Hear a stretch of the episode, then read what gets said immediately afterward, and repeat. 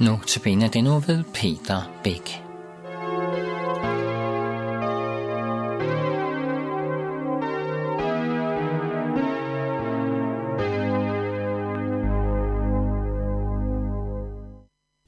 Og det stykke, vi hører i aften, hedder Nye Muligheder. Vi har fået et brev, et fælles brev. Det er meget kort. Børn Lille, dette skriver jeg til jer, for at I ikke skal synde. Men synder nogen, så har han en talsmand hos faderen, Jesus Kristus den retfærdige, og han er sonen for vores sønder, ja ikke alene for vores, men også for hele verdens. Det er den gamle Johannes, der skriver sådan. Den erfarne sjælesørger, der er et godt forhold mellem ham og hans læser. Vi kan fornemme varmen og godheden strømmer ud fra ham. Han udtrykker sig her, ligesom Jesus selv gjorde. Børn lille, dette skriver jeg til jer, for at I ikke skal synde. Der var dem, der tog let på det med synden. Gud er jo en kærlig og god. Man kan jo bare synde og sige undskyld bagefter. Nej, siger Johannes, misforstå mig ikke. Synden er den mest dødelige far, der tror mennesket. I skal lære at afsky den. Jeg havde den. Synd er at gå fejl af målet. Synden leder jer bort fra livets mening. Men synder nogen, der var dem, der var fortvivlet over sig selv. Kan jeg virkelig være en kristen? Jeg, der gør sådan noget, kan jeg stadig være et Guds barn. Johannes kan trøste dem, kan trøste den fortvivlende sønder. Sønder nogen, så har han en talsmand hos faderen. Talsmanden hedder på græsk parakletos.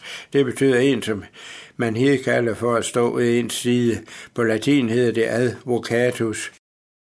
Jesus er den talsmand, der taler vores sag over for faderen. En underlig advokat, han forsvarer os ikke. Undskylder ikke det, vi har gjort, kommer ikke med formidlende omstændigheder. Han bortforklarer ingenting, men han borttager. Han antager sig vores sag over for faderen ved at tage vores sønder på sig og bære dem bort. Sådan gør Jesus Kristus den retfærdige. Kun en retfærdig frelser kan rense os for al uretfærdighed. Og han er sonen for vores sønder. Der sker noget uhyggeligt, når vi synder.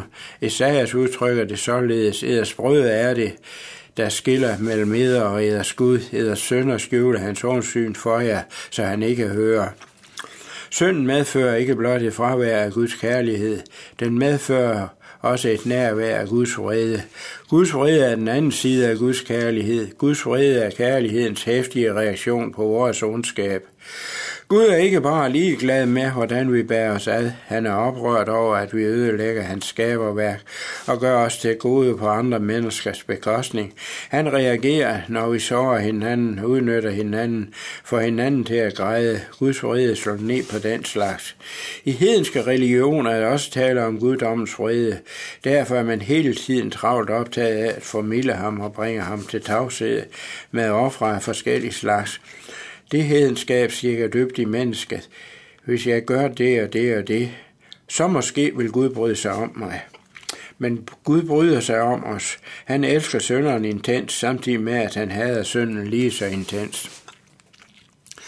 Han må befri mennesket fra denne syndens magt, der forblinder det og holder det i fangenskab. Derfor må der ske en forsoning. Det var nødvendigt. Hvad gør Gud? Vores offer kan jo ikke redde os. Gud sætter sin kærlighed i bevægelse. Deri består kærligheden ikke i, at vi er syndet. Gud ikke i, at vi er elsket Gud, men i, at han elskede os og sendte sin søn til sonen for vores sønner. Gud udleverer sin søn. Han bliver forsoningsoffret. Ikke forsoneren, der står mellem to modstridende parter side om side med dem. Ikke forhandleren, men han er forsoneren, og da Jesus dør på korset, sidder faderen ikke i sin fjerne himmel og har det rart. Han er i sin søn. Gud i Kristus forligte verden med sig selv. Vær stille lige for forsoningens hemmelighed. Hør pulslaget fra korset. For dig, for dig. Du er elsket, elsket, elsket. Her får du en ny begyndelse, en ny mulighed, et nyt liv. Og når du har anet alt dette inde i dit hjertes dyb, kan du bagefter gå ud og vidne om Jesus sejr. Jesu forsoning skal forkyndes og udråbes for hele verden.